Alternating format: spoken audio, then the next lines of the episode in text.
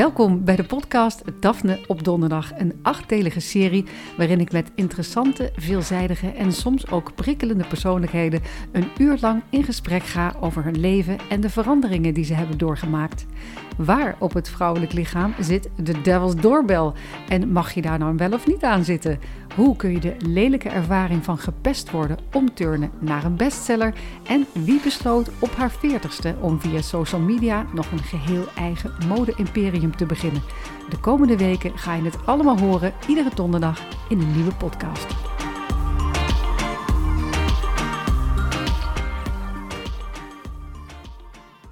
Je luistert naar Daphne op donderdag. Ik ben Daphne Dekkers en vandaag is bij mij te gast een vrouw die vaak BN'er-styliste wordt genoemd. Maar ze is zoveel meer. Ze is ontwerper, ondernemer, starter van de website Style My Day, schrijver van een persoonlijk boek over styling. Ze geeft lezingen en masterclasses, ruimt kasten op en is niet te vergeten moeder van drie zonen. Welkom in mijn schrijfhuisje, Lonneke Notenboom. Dankjewel. Jee, het is een hele, hele mond vol. Ja, maar ja, je bent natuurlijk ook een hele mond vol.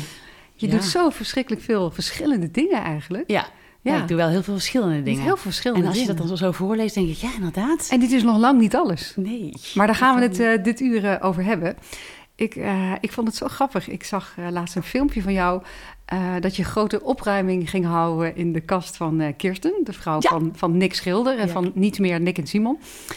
En uh, toen zei Kirsten dat ze had gedacht... oh jee, Lonneke komt. Dan moet ik heel erg over gaan nadenken wat ik aantrek. En ik dacht dus vanochtend precies hetzelfde. Lonneke nee. komt, wat trek ik aan? En toen nodigde jij me ook nog uit... om vanochtend samen met jou naar een modeshow te gaan. Ik denk, ja. oh, Lonneke en een modeshow. Het is gewoon een dubbele woordwaarde. ik dacht, ik moet nu echt serieus gaan nadenken... dat ik ook iets fatsoenlijks aantrek. Maar heb je dat effect op mensen? Dat mensen nou. denken, ze komt. Ik wil dat niet hoor. Ik vind dat ik zeg altijd: nee, nee, nee, nee, doe gewoon lekker je leuke zelf. Alsjeblieft, maak je daar niet druk om. Ze zei zelfs grappig, want precies wat jij net zei over Kirsten. Ze zei: Je kwam en ik dacht. Ik moet mijn, kast opruimen. Ja, ja want jij nou, komt hallo, om de kast opruimen. Ja, maar jij hebt van het gevoel, oh, nou komt ze. Nou, uh, maar dat, dat uh, ja, ik denk toch, uh, omdat jij er zoveel verstand van hebt... dat mensen zich dan bekeken voelen of zo. Of van, het moet wel kloppen vandaag. Of... Ja, maar dat wil ik, wat ik net zeg, je wil het eigenlijk helemaal niet. Want ik vind het zelf altijd gewoon, dat iedereen moet zijn leuke, fijne, knappe zelf zijn. Dus ik wil, ik wil mensen altijd helpen, ik wil inspireren, maar ik wil dat juist eigenlijk toch niet. Ik vind ja. uiteindelijk wil ik dat iedereen zich lekker in zijn vel voelt, uh, wat hij ook aantrekt, ja, wat hij ook doet. Toch werkt ja, het stiekem wel zo van, van, de jury komt, weet je, de jury komt. Nou, oh, nee, helemaal niet. Nee, ik hou ja, er wel van. Ik vind het leuk als iemand er leuk uitziet, maar ik vind het vooral leuk als iemand zelf, ja, weet je, zelf iets leuks aantrekt en zegt, ja, nou, ik voel me hier lekker bij. Ja. Ja, dat ja. Maar ik, ik, ik herkende wat Kirsten zei. Grappig. Ja, maar jij hebt nu eenmaal uh, uh, veel stijl en smaak. En daar gaan we het zo meteen nog uitgebreid over hebben. Want wat is dat nu eigenlijk precies, stijl en smaak? En wie bepaalt dat? Dat vind ik ook altijd zo bijzonder. Ja. Wie bepaalt wat het is? Maar ik, uh, ik begin in deze serie altijd graag bij je jeugd. Uh, ik zelf kom uit een familie waar eigenlijk niemand met mode bezig was. Ik woonde op het platteland en uh, de stijlbijbel bij ons thuis, dat was de weekkampgids. Maar uh, ja, ja, serieus. Nou, ik viel dat, om de zoveel tijd viel de weekkampgids nou, in de bus. Ik vond dat heerlijk. En lekker door de weekkampgids voor... bladeren. Ja, ik, ik deed, dat ook, van voor tot achter. Ja, maar echt hè, de ja. weekkampgids, dat was echt een ding in die een tijd. Ding? Ja. ja, en dan bleef ik ook altijd best wel lang hangen bij de jongens in al die slips. ja, nou ja. Zulke gasten zag je normaal natuurlijk nooit. Nee, precies. Nee. En ik weet ook nog dat met sommige van die jongens heb ik later nog gewerkt als model. Niet. En ja, toen, dat... toen, heb je natuurlijk niet gezegd van... Sorry, joh, ik zat naar jou te loeren in de, de weekkampgids. En later, toen ik zelf modellenwerk deed, toen begreep ik dus ook... dat ze dus in die slips doen ze dus een sok. Ja. Zodat ik... de slip een beetje gevuld lijkt. Dus dat was een hele grote teleurstelling. Een hele grote. Uh, maar jij komt dus uit een Brabantse familie. Ja. Uh, en je zei... Um, die zaten aan beide kanten in de mode en de stoffen. Wat, wat, ja, ja. wat deden ze? Um, mijn vader die had een... Um, eigenlijk al, als ik terug ga helemaal naar mijn opa's en mijn oma's... Uh, mijn, aan mijn vaders kant had, uh, hadden ze een, uh, een winkel met fournituren... en aan mijn moeders kant zaten ze in de stoffen. Vervolgens uh, is mijn vader uh, een bedrijf begonnen in, die produceerde bedrijfs- en promotionele kleding. Totaal niks met mode te maken. Het is gewoon amodisch, maar... Uh, Wel heel praktisch. Heel praktisch. Dus ja, eigenlijk die kant. Maar echt mode, mode, mode. Dus niet. Nee. Nee. Ik had wel een mega modische oma. Ik denk ook dat zij mijn inspiratie is geweest Oh, vanaf ja? dat ik heel klein was, dat ik in de mode wilde. Ja, die zag er altijd, vanaf dat ik me kan herinneren, er echt zo mooi uit. En wat ze ook deed, waar ze ook naartoe ging, al was ze thuis, echt naar het is gelakt, mooi. Zij de blouseje aan, strikje om, eh, opgemaakt, haren gefeund. En zij was jouw stijlicoon. Nou, zij was denk ik mijn stijlicoon. Ik denk dat het daar allemaal mee begonnen is. Bij je oma. Bij mijn oma. Ja. Ja, ja, en wat ik ook heel mooi vond is... ehm was- zag er altijd heel mooi uit en mooi gekleed. En, en, en, en dat vond ik altijd heel bijzonder. Maar wat ik ook heel erg bijzonder vond was... ze ging uiteindelijk dementeren. Ze wist niks meer. N- ze herkende ons niet meer. De eigen dochters niet meer. Mij niet meer. Eh, ze was op het einde niet de liefste. eh, de liefste. Maar ze herkende niks meer, maar ze riep nog steeds...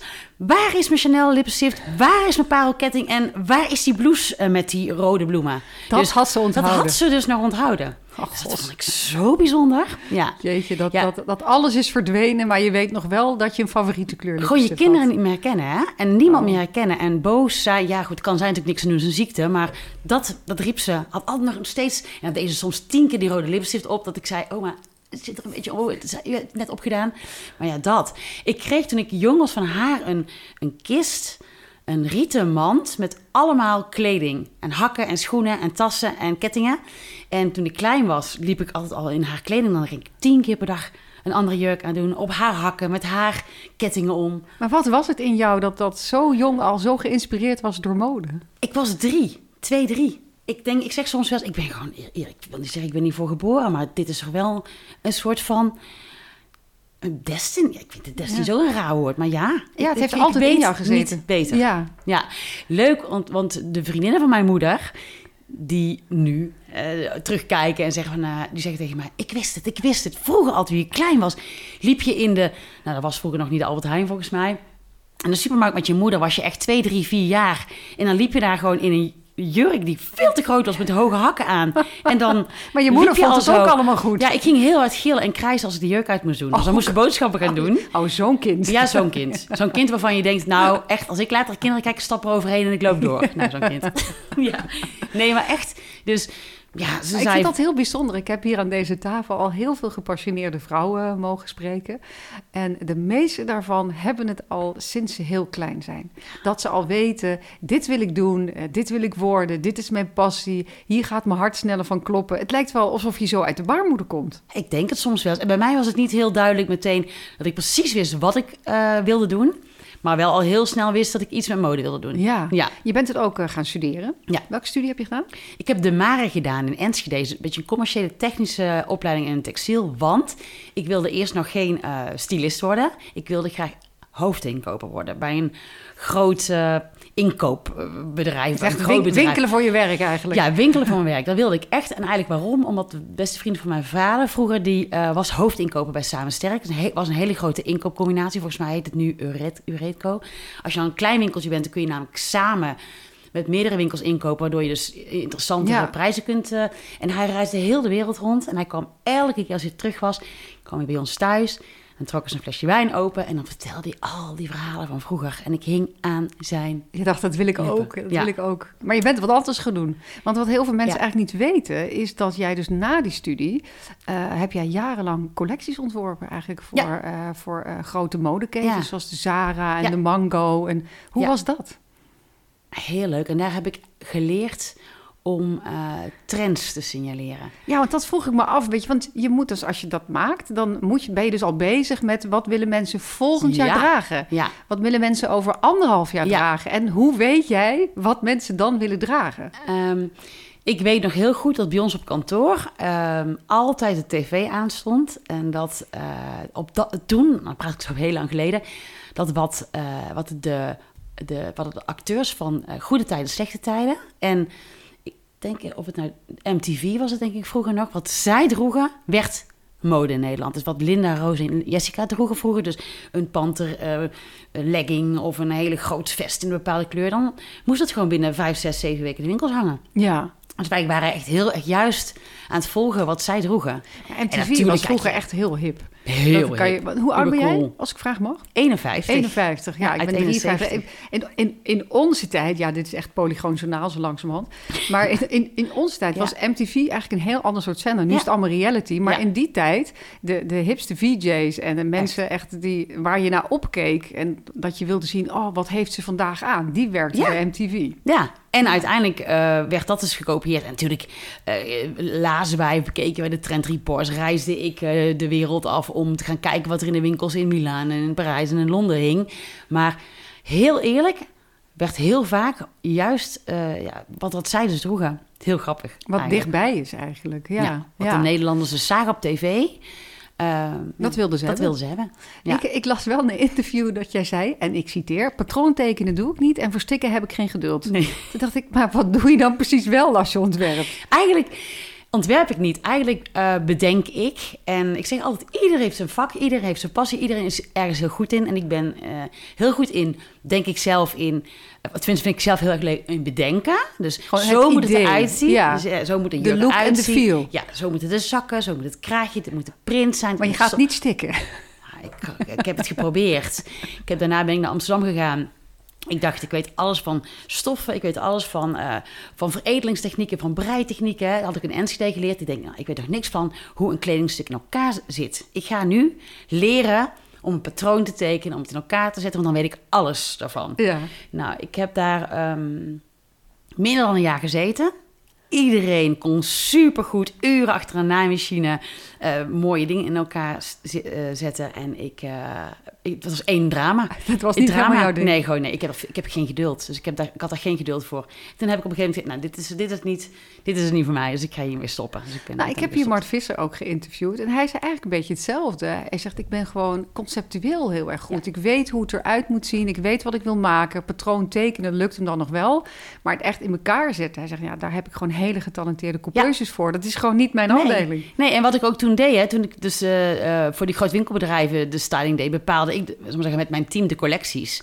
Maar daar waren weer katkam eh, eh, mensen die dus de patronen maakten op de katkam. Eh, Vroeger was het nog tekenen, maar vervolgens werd het katkam. Er waren modellenmakers, er waren stickers. Ja, ieder, weet je, je bent een heel team hè, en ieder is goed in zijn ding. Iedereen heeft En zijn eigen talent. Ja, dus ja. je hoeft niet te denken van ik kan geen modeontwerper worden, want ik kan Nee. niet zo goed iets in elkaar zetten. Nee. Het gaat meer om. Je hebt ook mensen nodig die creëren, Ja. Die ideeën eh, Ja. bedenken. Ja. En, en waar doe je nu eigenlijk je inspiratie op? Niet meer bij MTV, denk ik. Of Nee, bij goede nee, tijden misschien ook niet. Ehm, eigenlijk lees ik geen trendreports. Eigenlijk kijk ik nooit naar wat de trends gaan worden. Ik denk dat het op de, aan de ene kant heb ik heel erg geleerd om onbewust trends te signaleren. Omdat ik dat natuurlijk altijd zo heb moeten doen. Dus Ja. kort op de markt trends signaleren en vertalen in wat mode moest worden. Dus dat zit er bij mij echt in. Maar de meeste inspiratie haal ik uit mensen die ik ontmoet, plekken waar ik kom, reizen die ik maak. eh, soms lekker alleen in het bos zijn. eh, in alles wat mij inspireert. Uit het leven. Echt uit het leven. En wat is jouw eigen stijl? Oeh, ehm, ik ben eigenlijk van mezelf vrij klassiek, moet ik wel zeggen. Ehm, maar ik hou wel van een, eh, van een, eh, een, beetje een sportief tintje. Ik vind het heel moeilijk. Ik, er is bij mij ook niet, geen, geen labeltje op, op te plakken wat mijn stijl is. Maar ik ben eigenlijk best... Vroeger was ik echt iemand met van die eh, geblokte sokken... en zo'n kappa-sjaal met strepen. En dan heel Echte groot... kakker. Echte kakker. Eno- enorme, ja. Met een Robo die kap waar we droegen al bij Ja, Society wat ik Shop. bedoel? Ja, ja, gele dat. sokken, lovers. En Olili, zet jij oh? Lily, ja, ja, ja. ja. Ja, van die gebloemde broeken en Ja, mensen van van vroeger. Het was heel Oh, bloemig allemaal. Ja, maar het was een enorme hit. Ja, ja ik was echt een beetje een kakker altijd. Ja, zo'n hockeymeisje. Een hockeymeisje. Ja. Heb jij een stijlicoon, Nee, behalve je oma? nee, eigenlijk Je bent je eigen stijlicoon. Ja, nee, ook niet. Ik, ehm, ik hou van heel veel dingen en ik hou van heel veel verschillende eh, mensen en stijlen. En daar maak ik mijn eigen stijl van. Dus ik heb niet iemand die ik echt klakloos volg. Nee. Nou ja, klakloos volgen is denk ik ook niet stijlicoon. Het is meer iemand die je inspireert. Of ik heb bijvoorbeeld, als ik Jennifer Aniston zie, dan denk ik altijd, wauw. Weet je, zij is precies even oud als ik. Ah, zo. En gewoon hoe ze zich kleedt. En dan denk ik, ik wil ook yoga gaan doen. Want Jennifer Aniston doet yoga. Ja? Maar ik vind, zij, zij heeft zo'n bepaalde vibe.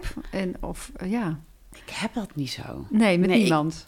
Nee, ik, ik, ik bewonder mensen om bepaalde dingen. En Ja. eh, bijvoorbeeld, ja, weet je, Maxima bijvoorbeeld. Ja, die vind ik een waanzinnige stijl hebben. En we Die zijn ziet er altijd zo goed uit. Ja, we zijn even Ja. oud. We zijn eh uit alle twee 71 dus. Eh, volgens mij zelfs in hetzelfde jaar getrouwd. Dan weet ik het even niet zeker. Ja, ja ik vind haar wel, wel een voorbeeld op heel veel vlakken. Maar een stijlicoon, ja, ze ziet er altijd wel fantastisch uit. Nou, misschien is het een te groot woord, weet je. Misschien, Misschien, ik vind eh, haar wel echt heel cool. Ik Ja. zou heel graag met haar een keer een wijntje willen drinken. En ik weet zeker, ik weet gewoon zeker dat het heel gezellig wordt. Oh, ik ja. ook nog.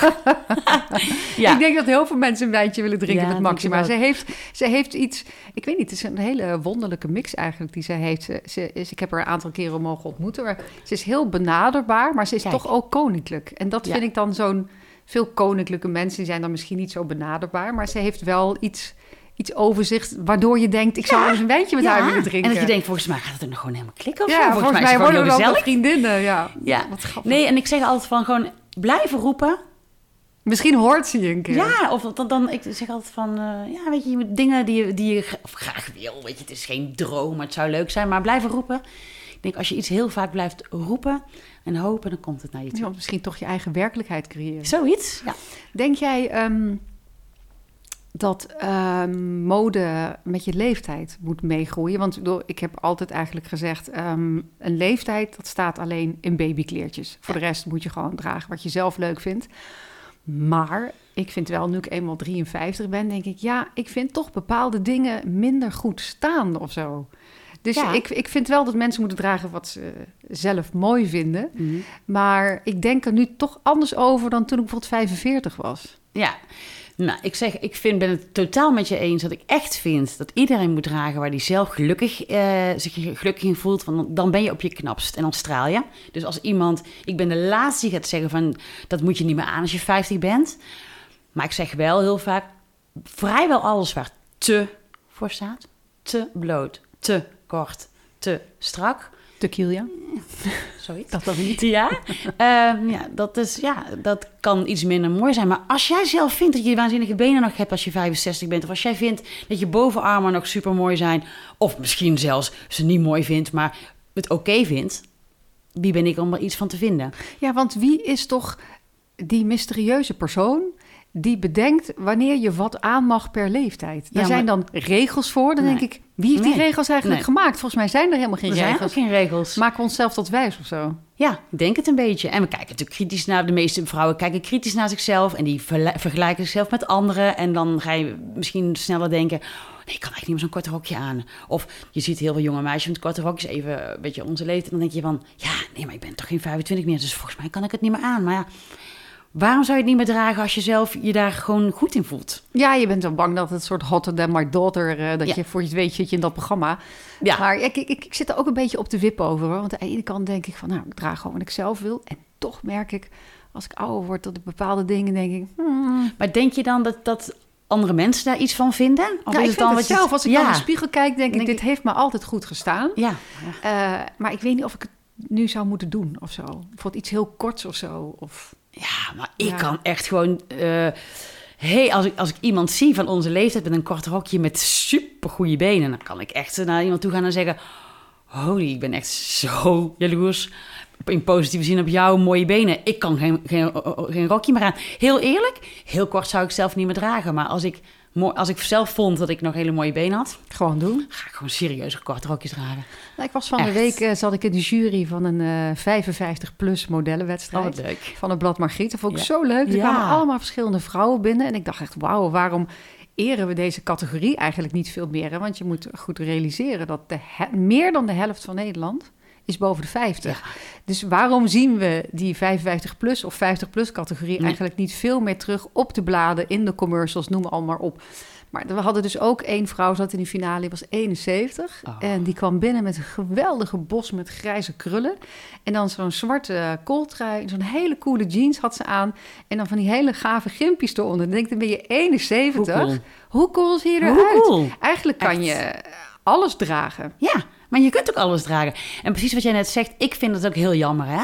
Dat het eigenlijk, ik wil helemaal niet zeggen dat de 55-plus vrouw wordt wegge, weggepoetst. Poetst. Maar toch vind ik ook echt dat zij, wij, te weinig aandacht krijgen. Want eh, nou, eh, naast dat dus de helft van de vrouwen 50 plus is, vind ik het ook, eh, ja, eh, de, de 50 plus vrouw is meer zichzelf, eh, is, eh, is, is toch wel, heeft, heeft, heeft meer, meer meegemaakt, eh, durft meer te kiezen voor een eigen stijl, eh, heeft een mooi verhaal. Ik, ik, ik vind het jammer. Ik zou ook veel liever veel meer en diversiteit in, in stijlen, in, in figuren, in weet ik wat willen zien. Het begint En- en- een en- beetje te komen. Ja, gelukkig eindelijk. Nou, ik vind een blad als, eh, als Nouveau of een blad als eh, Harper's Bazaar... en die doen daar echt wel... Ja. Weet je, bij Nouveau is het gewoon de regel... je komt niet op het blad tenzij je gewoon boven de 50 bent. Nou, Weet je, en ja, waarom niet? Nee. je, al die andere bladen doen dat niet. En wat je zegt, als de helft van de vrouwen 50 plus is, eh, dan is het ook nog zo dat heel veel mensen kunnen zich die 50 plus zijn, zich niet helemaal niet meer identificeren met een super strak meisje van 21 op de cover. Dus die bijvoorbeeld, hè? Nou, dat heb ik als ik bij de Albert Heijn sta... en dan zie ik het hele bladenschap. Dan, ja, zie ik al die eh, jonge influencers eh, zie ik, eh, op de voorkanten staan. En ik denk van, ja, als ze zo iemand op de cover zetten... dan Ja. is dat blad blijkbaar niet voor mij bedoeld, Precies denk dat. ik dan. Ik Ja. identificeer me daar dan Nee. niet mee. Ik denk, wat gaat daar dan in staan... Weet je, wat, wat, wat mij gaat interesseren. Ik, bedoel, ik probeer wel overal eh, bij te blijven. Weet je, Ja. Ik wil wel alles lezen. Ook dingen die voor veel jongere mensen zijn bedoeld. Omdat ik, ja, ik schrijf toch iedere week een column. En ik vind het wel gewoon heel belangrijk dat je je niet afsluit voor een heel Nee, groot deel van. kinderen en die leeftijd. kinderen in die leeftijd. Dus je moet wel weten wat hun boeit en waar ze mee bezig zijn. En daar word je ook een completer mens van. Ja. Maar ik word ook gewoon graag aangesproken op mijn 50-plus zijn. Ja. Maar dan op een leuke manier Ja, eigenlijk. ik ook. Precies Ja. dat. Ik, ik vind het ook... Hè, we hadden het toevallig er straks over. Ik, ja, dat ik me 25 voel, vind ik zelf heel fijn. Maar eh, ik ben ook wel heel trots dat ik 50 ben. 51 al ben en mag zijn. En Ja. ben geworden. Sorry. Dus ja, ik vind en dat ook heel... op een hele andere manier dan onze ouders waren. Ja, ja, Want toen mijn moeder 53 was, eh, eh, I love you mom. ja, Maar eh, het was toch een heel ander Ja. type. Ja. Dan werd je niet meer geacht eh, met een spijkerbroekje. En nu dragen moeder het allemaal weer wel. Hè? Nu draagt ze gewoon gimpen. En, eh, maar toen ze 50 was, droeg ze het allemaal niet. Nee. Dan werd je toch wel geacht in een broekrok voor de dag te komen. Nou, we gaan, we zijn de goede, we gaan de goede Wij zijn, we gaan de goede kant op. Ja. Ja. Ja. Hey, jij werd eh, personal shopper, je werd styliste. Ook voor een heleboel bekende vrouwen. Mhm. hoe is dat zo gekomen? Hoe ging je zeg maar van, van de Zara en de Mango naar de personal styling? Ehm, nou, ik werkte, zal ik maar zeggen, achter het schermen als stylist. Ehm, en ontwierp dus collecties voor de grote winkelbedrijven. Dus Ja. bij bedrijven die onder private label bij de Zara en CNA, et cetera, eh, leverden. En eh, ja, weet je, ik kan er heel lang verhaal over maken. Uiteindelijk ben ik, ben ik een beetje meer mezelf, eh, heb ik gekozen om mezelf te laten zien wat ik heel eng vond in het begin natuurlijk. Want ja, ik was altijd degene, ja, weet je, ik maakte de collecties, maar niemand wist wie ik was. Ehm, ik werkte een tijd bij het bedrijf van mijn man, die, dat, die dus dameskleding eh, eh, produceerde. Ja. En ik eh, stelde mezelf voor bij onze klanten met mijn meisjesnaam. Aha. Want ik dacht, nee, Anders ben je nee, ook weer de ja. vrouw van de baas. Ja. En daar hebben we helemaal geen zin in. Nee, precies. Dus heel veel mensen hebben dat, helemaal, hebben dat ook niet geweten. En ik, ehm, een, van de, een van onze klanten die zei tegen mij op een gegeven moment... Weet je wat jij eens moet doen? Je moet een, je moet een soort van moodboard maken met, eh, met, met, met, met, met allemaal dingen die je mooi vindt. Ik denk dat, heel veel mensen, dat je heel veel mensen kunt inspireren. Toen ben ik ongelooflijk hard gaan lachen. Ik zo, dus, eh, ja, en hoe dan? Nee, ik denk echt dat je, je, dat je meer mensen moet gaan inspireren. Want ik denk dat heel veel mensen daarop zitten te wachten. Nou, maar wat ik- een gouden tip was dat dan, nou, als je er nee, zelf ik nog nooit aan gedacht had. Nee, natuurlijk niet. Ik, ik, nee, ik, nee. Ik, ik zeg, ja, maar wie dan? Ja, heel veel mensen, denk ik. Toen ben ik, en heb ik naast me neergelegd. Een half jaar later was Luc, mijn man, ehm, op zakenreis. En toen weet ik nog heel goed, toen heb ik een, ben ik, eh, zat ik lekker in mijn joggingpak op de bank met mijn laptop. Heb ik, mijn, heb ik een Facebookpagina geopend en daar ben ik foto's toen ben ik foto's online gaan zoeken en die ben ik gaan, alleen maar foto's die ik mooi vond. Niet wat mode was, niet wat trends waren, maar wat ik mooi vond. Eh, en wat uiteindelijk heel vaak wel een trend was of werd. Maar ja, goed, dat is dat onbewust eh, waar je al, al die jaren mee gewerkt hebt. En toen ben ik dus een, ehm, een pagina gaan, eigenlijk een soort van nu, een soort van Ja, wat nu Pinterest-pagina. Pinterest is eigenlijk, ja. maar dan praat ik dus echt over twaalf jaar soort my geleden. favorites-achtige, ja. ja. En ehm, die ben ik gaan, eh, die, die heb ik allemaal gepost, maar ik had mijn pagina nog niet opengezet. Want ik durfde dat niet. Ik denk, jezus hé, als ik dat direct open ga zetten en mensen Die vinden er vinden, wat dit, van. Ja. vinden daar wat van, dat, dat nee, nee, nee, nee, nee. Maar hoe ik kwam, je, hoe kwam je zo... Je komt namelijk, ik ken je al best wel een aantal jaren. Ja. Je komt heel open op me over. En iemand die overal op afstand. Maar Ja. je hebt dus ook blijkbaar een hele fase gehad... dat je toch best wel verlegen was met je talent. Nee, nee, niet verlegen, maar ik was... ehm,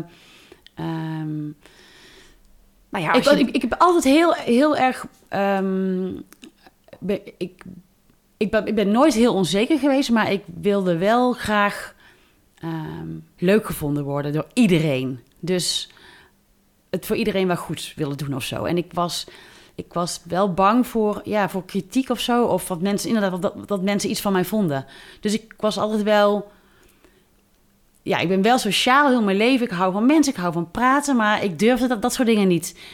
Omdat je dacht, misschien zit er iemand tussen... die mijn moodboard niet leuk mensen vindt. daar wel niet van vinden? Ja. Hoezo ga je... Ik was 40 toen ik dit ging doen. Hoezo ga je met je 40, terwijl je alles voor elkaar hebt...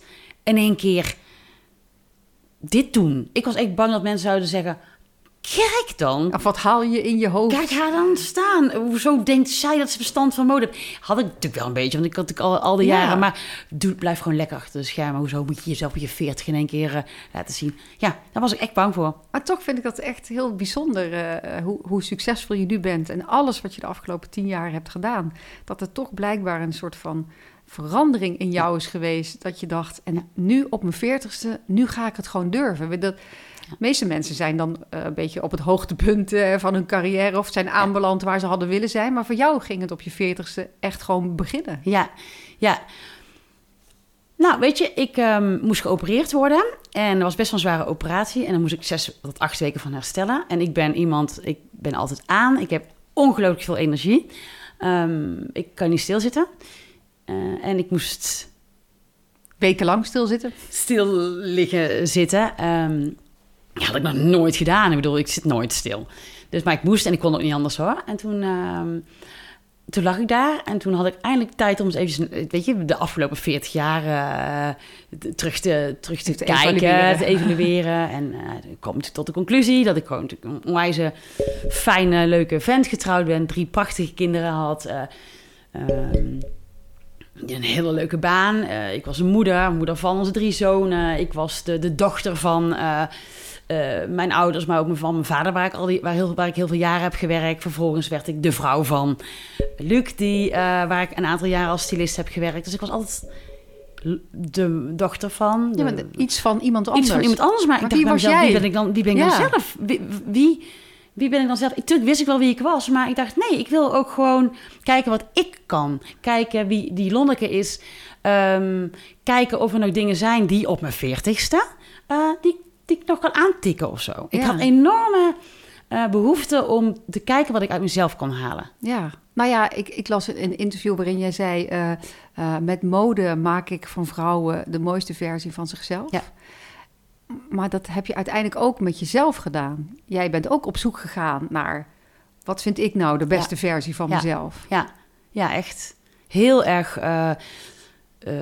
ja, voor, me, voor mezelf gekozen en, en, en, en, en eh, de lat heel hoog gelegd.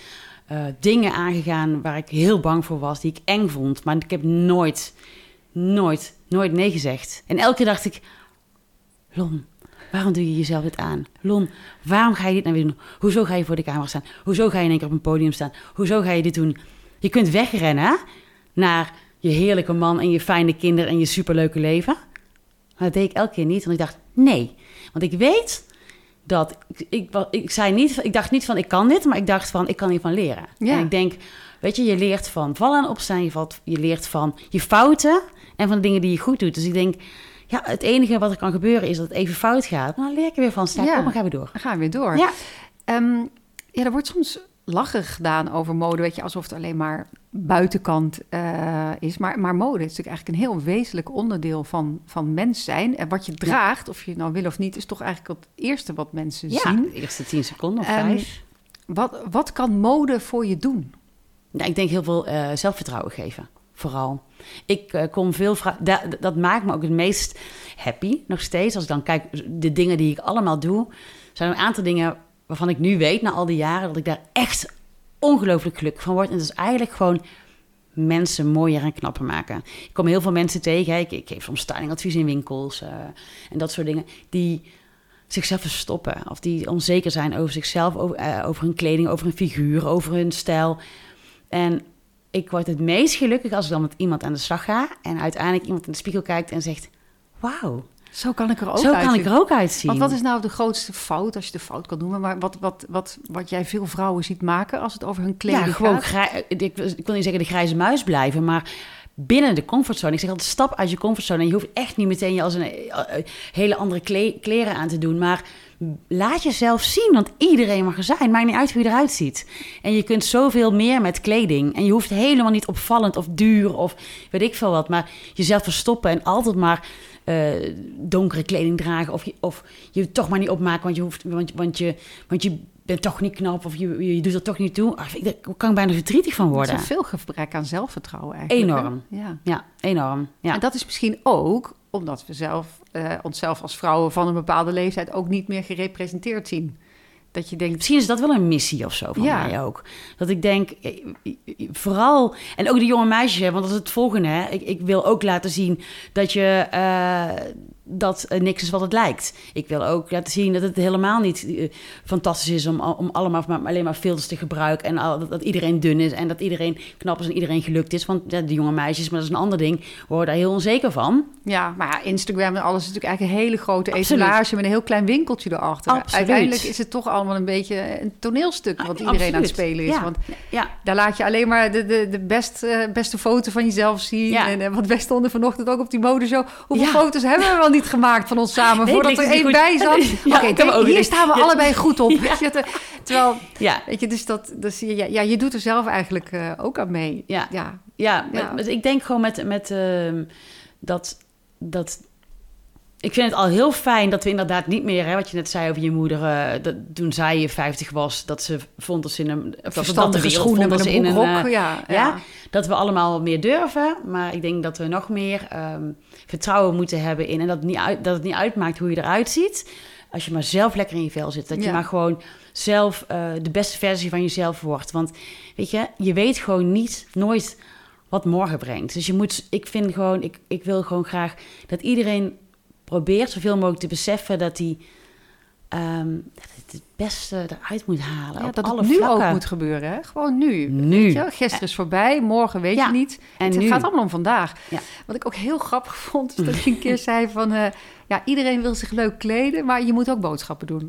Ja. dacht ik, ja, Maar- ik heb altijd iets, want ik moet wel op de fiets. Ja, Ja, dat, dat- dat- en je hoeft dus ook geen hakken te dragen heel de dag om er mooi uit te zien. Je kunt Nee. ook sportief.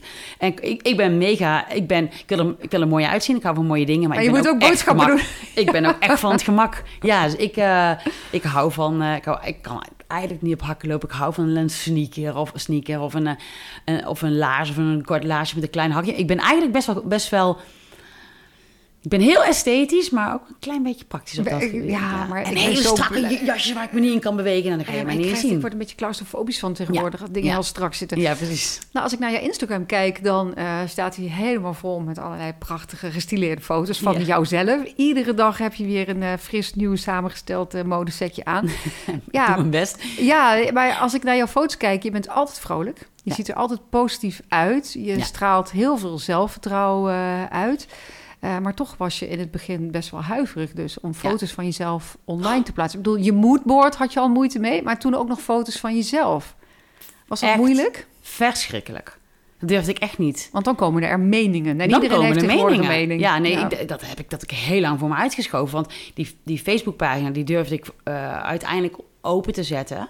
Maar niemand wist dat ik erachter zat. Ik had hem Stel My Day genoemd. Die, had ik, die, die naam had ik in een halve seconde bedacht. Ik denk, nou ja, ik ga hem toch nooit, ik ga er toch nooit iets mee doen. Dus niemand vindt iets van die naam, want ik ga er toch niks mee doen. Heel grappig. en uiteindelijk eh, heeft mijn naam daar, daar- mijn gezicht daar de eerste jaar niet op gestaan. Alleen maar inspiratiefoto's van tassen, van mooie streetstyle, allemaal leuke dingetjes. En vervolgens, ja, toen zei iemand tegen mij, eh, ik denk dat je outfits moet gaan doen. Weet je wel, zoals een aantal van de jonge influencers. Ik zeg, hallo, Hallo, ik ben ik ben- 41 nu. Ja. Ik ga echt geen outfits doen. Ik bedoel, hoezo zou ik op de foto gaan? Nou, omdat ik denk dat heel veel vrouwen, en het komt weer hetzelfde verhaal, eh, die inspiratie van de iets, iets ou- oudere vrouw heel leuk Ja, vinden. maar alle influencers waren twintig. Weet je, en dan is het juist leuk om iemand van in de Ja, 40 maar ga jij die- het eventjes doen? Eh, nou, jij hebt het ja, gedaan. Ik, ja, ik Jij hebt het de heel, kar getrokken voor ja, iedereen. Ik vond het heel eng. eh, puur alleen uit onzekerheid dat ik bang was dat mensen er iets van vonden. Maar Ehm, kreeg je überhaupt kritiek? Krijg je kritiek? Ehm, ik ehm, uiteindelijk de mensen, niet de mensen, mensen niet in mijn eerste en mijn tweede cirkeltje om me heen, maar de mensen die me kenden, heb ik achteraf wel, wel gevoeld en gehoord en begrepen dat daar wel mensen iets vonden. Al die mensen die me niet kennen, die vonden het eigenlijk allemaal wel leuk. En als ze me niet leuk vinden, ja, dan moeten ze gewoon vooral niet kijken. Maar vooral de mensen die me kenden, maar dan niet heel dichtbij.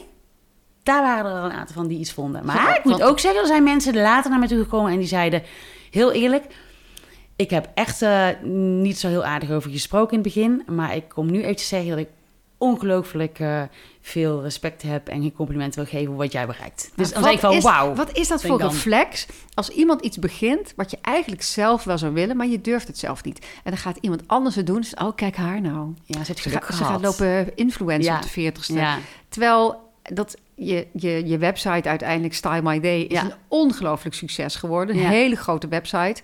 Ehm, en als het dan heel groot succes is, dan komen ze alsnog naar je toe. Ja. Maar ik vind het wel eerlijk dat ze Ja, dan zeggen van... dat vind ik- dat vind ik echt dat is wel heel, eh, netjes. Ja, en uiteindelijk, weet je, ik, heel- ik zeg ook wel eens tegen mensen waar ik mee spreek van... uiteindelijk, ehm, weet je, je kunt niet ieder, iedereen's vriendin zijn. En, eh, en, en- maar mensen die jou, die jou eh, niks gunnen, hè, mensen die jaloers zijn... mensen die naar over je praten... zijn eigenlijk ook gewoon de mensen die niet die je in je inner circle wil. Nee. En dat, als je dus heel jong bent, is dat heel moeilijk. Hè? Ik bedoel, ik, ik, ik weet precies, eh, ik was ook onzeker. Ik wilde met iedereen vriendin zijn. Ik wilde leuk gevonden worden. Daar komt die onzekerheid vandaan. Maar als je wat ouder wordt, wil ik dan heel graag ook tegen wat jongere mensen dat zeggen van... Jongens, doe waar je hart ligt. Doe waar jouw dromen liggen. Probeer het. Want het Mm. ergste is dat je faalt. Maar dan heb je het in ieder geval geprobeerd. Ja. Beter wel geprobeerd. En gefaald als nooit geprobeerd. Als je straks Maar ik, ik heb wordt. gemerkt in mijn leven dat als je iets doet vanuit je hart, Ja, dan spreek je andere mensen aan in hun hart. ja. Ik heb Mooi. hele persoonlijke boeken geschreven eh, eh, over opvoeden, grappige boeken over hoe moeilijk ik het allemaal vond. En die waren best wel openhartig. Maar als je vanuit je hart spreekt, dan zullen er mensen zijn die het overdreven. Maar er zijn ook mensen die raak je ook in hun hart. Dus eigenlijk moet je ja, toch doen Ja, wat op jouw hart jou ingeeft. Op gevoel, Op gevoel. inderdaad. Ik Ja. doe eigenlijk alles op gevoel. Alles, Ja. alles, alles, alles. Maar heb jij nou ooit een off-day dat je denkt, nou, vandaag weet ik niet wat ik aan moet trekken. Ik doe een camping smoking aan. Ben, ben je, heb je überhaupt een joggingpak? Ja, maar wel een heel knap. Zo'n cashmere zeker? Nee! Natuurlijk.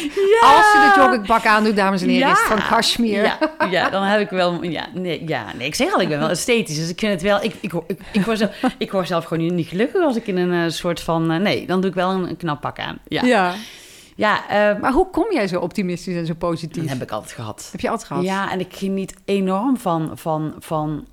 Ik probeer ook, en ik geniet van zo erg van alles wat ik meemaak, wat ik mee mag maken. De mensen die ik ontmoet. eh, ik probeer ook echt heel erg alleen maar de dingen te doen die ik, ik, eh, waar ik energie van krijg, die ik leuk vind. Dingen die ik niet leuk vind, de mensen die ik niet leuk vind. Ja, die probeer ik zoveel mogelijk bu- ja, buiten mij te houden. Ik krijg energie van andere mensen. Ik, krijg, ik, ik ben iemand, ik hou niet van elke keer hetzelfde. Dus ik hou van afwisseling. Dus ik hou Ja. van, ik ben heel erg, ja, dan, die dag dat, die dag dat. Dan elke dag ontmoet ik weer mensen, krijg ik weer k- kansen, doe ik weer dingen. Kijk, net zoals nu, vandaag weer, zo leuk weer. Dan denk ik, oh nou, ja, Ga een podcast leuk, doen. een Ja. podcast doen. Ja, Ik ehm, las eh, in een interview eh, dat je zei: ehm, je kunt niks veranderen aan het verleden en je weet niet hoe de toekomst loopt.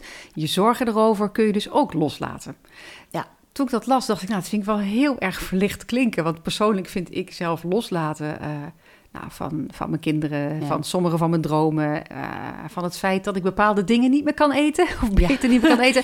ja. Ik, ik vind loslaten hartstikke moeilijk. Vind jij loslaten echt zo makkelijk? Ik heb, ik heb leren loslaten. Vooral van Luc, van mijn man. Eh, en dat vooral met de kinderen. Dus eh, ik, ben, ik kom uit een gezin van twee meisjes waar ik de oudste van was. En ik ben heel beschermd opgevoed. Met heel veel liefde, maar heel beschermd, beschermend.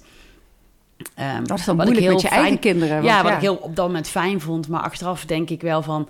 Wow, ehm, daardoor was ik in het begin ook heel erg... Kijk uit, eh, alleen maar gevaar zien. Eh, het liefste als ze voor de eerste keer naar school gingen... moesten ze als, eerst, als enige een helmpje op.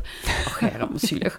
Ehm, nee, het is natuurlijk. Maar in België... mm, Ik weet niet eens of het verplicht is... maar in België deden heel veel kinderen dat.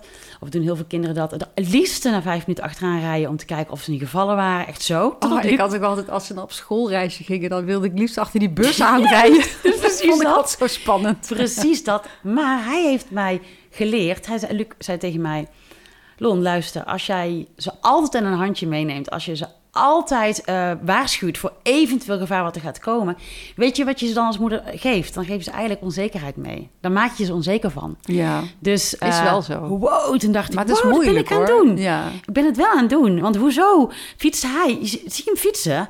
eh, alleen voor de eerste keer naar school, omkijkend en zijn moeder achter hem aan. Dan denkt hij toch gewoon, als hij vier is of vijf of zes...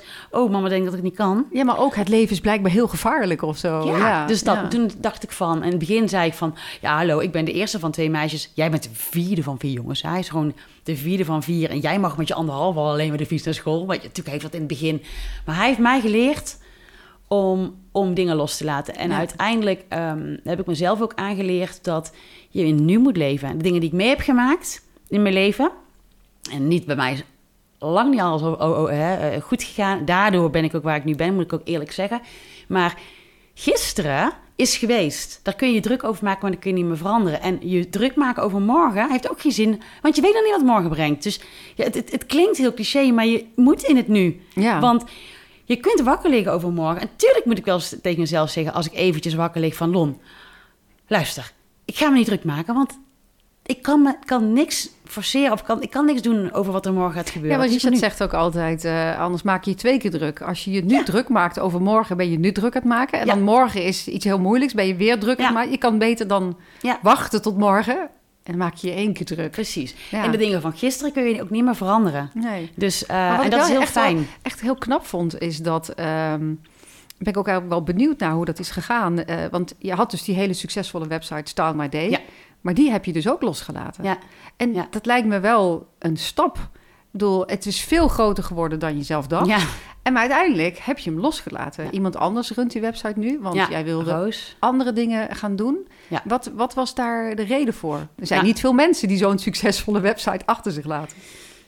Nou, eigenlijk weer om dezelfde reden. Ik, ik doe echt... eh, ja, ik, ik, ik kijk heel regelmatig zo, eh, van boven. Een soort van helikoptervlucht over mijn leven. En dan ga ik denken... Dat doe ik echt heel vaak. En dan denk ik, oké, ben ik nog gelukkig? Ben ik nog gelukkig met hoe het nu gaat? Met de mensen om me heen?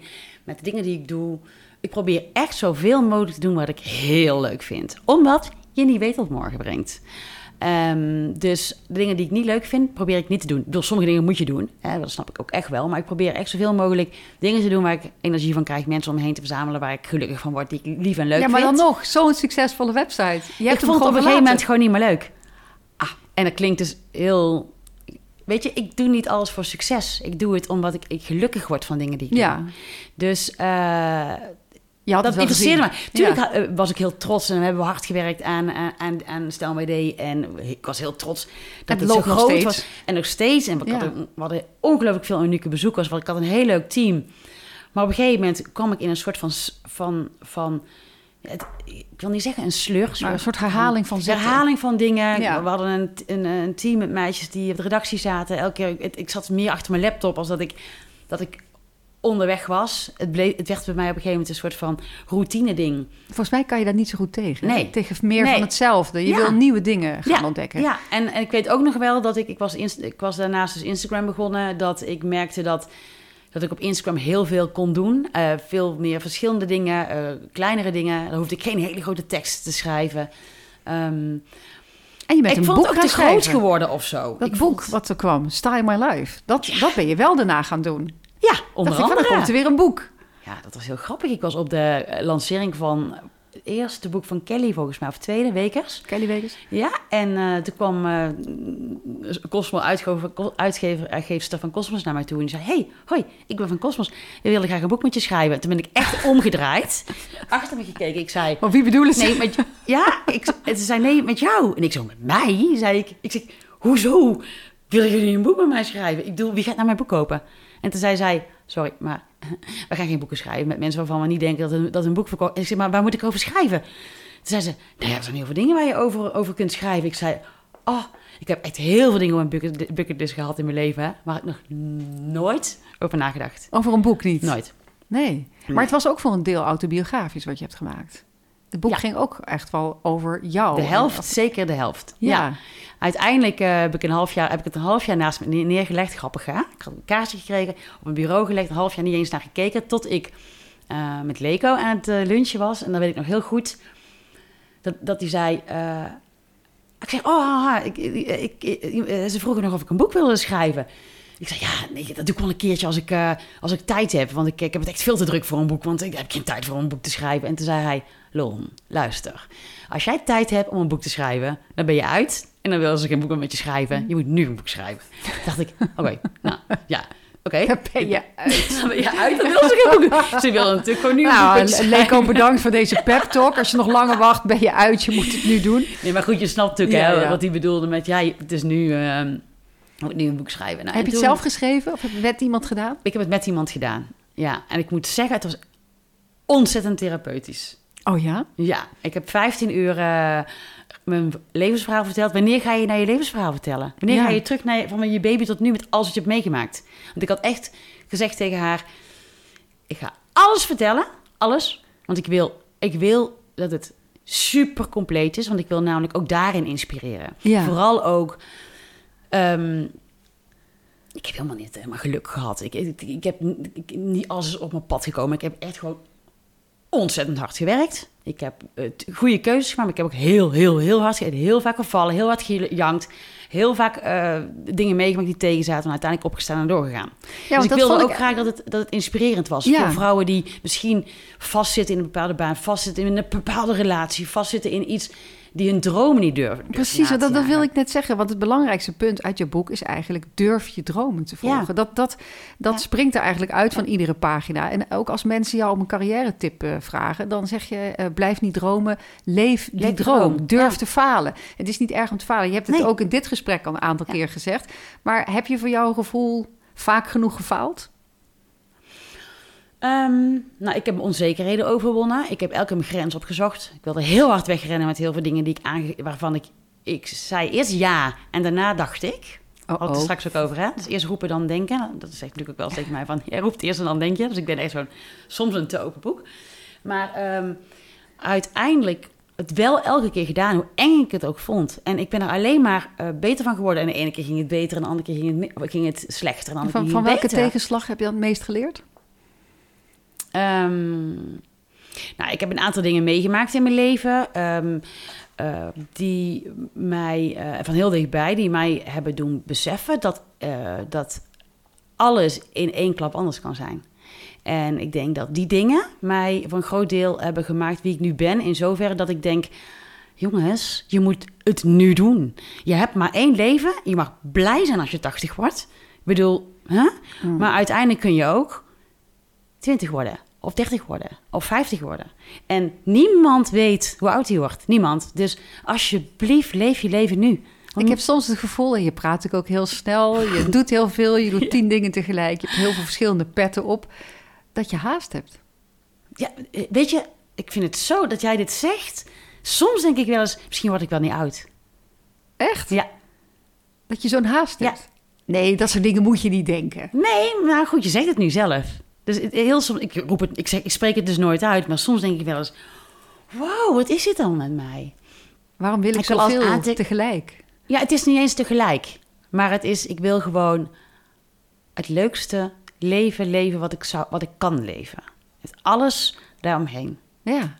En, en ja, nou, het spijker op zijn kop. Ik denk dit wel eens, hè? Dan denk ik bij mezelf: Ik zie ook dat het je emotioneert. Ja, ja, nee, ja. Ja, nee, maar dat is meer... Ja, oké. Ja, ik heb, eh, ik, heb eh, een aantal maanden geleden mijn vriendin en mijn schoonzus verloren. Op mijn leeftijd. Dus dat, daarom emotioneert dit mij. Dat, dat bedoel ik dus, bijvoorbeeld. Ja, ja dan, denk ik, dan denk ik dus weer... Hè, kijk, dus Ja. gewoon in elf maanden Ja. van een sportieve... eh, eh, gezonde, eh, leuke vrouw vol in het leven met drie kinderen die gewoon na elf maanden er niet meer is. Hoe Dan denk ik weer, het, denk ik Ja. weer. Dat was na mijn boek, hè. En Dit is het vorig jaar geweest, hè. Op 11, eh, dat is, het is 8 januari overleden. Dat bedoel ik dus. Ja. Dat, maakt, dat gebeurt dan bij mij weer. En, en dan denk ik, ja, wat, wat, het gebeurt ook bij iedereen. Maar ik bedoel, dat gebeurt na mijn boek en na alles. En dan denk ik, kijk, dat, dat, dat is... Ja, Dat dat- gevoel. Dat, je dus, dat er dus iemand naar je toe komt en zegt... Heb je even een seconde? Over elf maanden ben je er niet meer. Sorry. Ja, is het toch echt Zo wat heftig is dat. zo heftig? Ja. Kijk, en... ehm, ja, ik mis haar elke dag nog. En ik, ik, heb, haar, ik heb natuurlijk van dichtbij meegemaakt, alles meegemaakt eh, en, en, en, en zo. Daarom raakt het mij ook. Maar wat jij net zegt is heel soms, ik denk het niet te vaak, maar dan denk ik van... Waarom wil ik alles zo uit het leven halen? Ja, maar je weet gewoon niet wat morgen Ja, brengt. omdat het leven alles is wat we hebben. En je wil het niet alleen maar in de lengte leven, maar ook in de breedte. Ja, ja. Weet je wel? Je wil, je wil toch de talenten die je gegeven zijn graag gebruiken. En eigenlijk ben je pas op je veertigste begonnen ermee. Ja, ja Voor ik wel. ben je pas tien jaar bezig. En ik wil zo, ik, ik wil, ik, ik wel. En, en, en het voelt supergoed.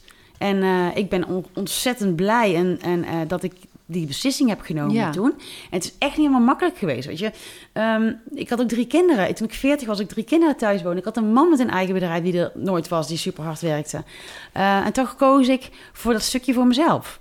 En dus ja, dat is echt niet makkelijk geweest. En niet mijn schuldgevoel wat ik echt had naar... ben ik er nou wel genoeg voor de kinderen? Ben ik er wel genoeg voor Luc?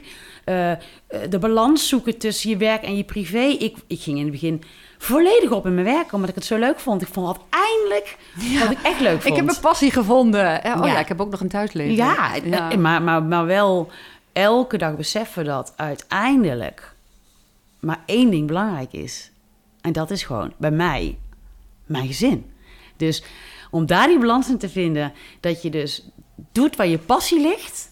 En vervolgens wel beseffen dat ik nooit met al mijn succes en geld of weet ik wat alleen in een groot appartement zou willen wonen.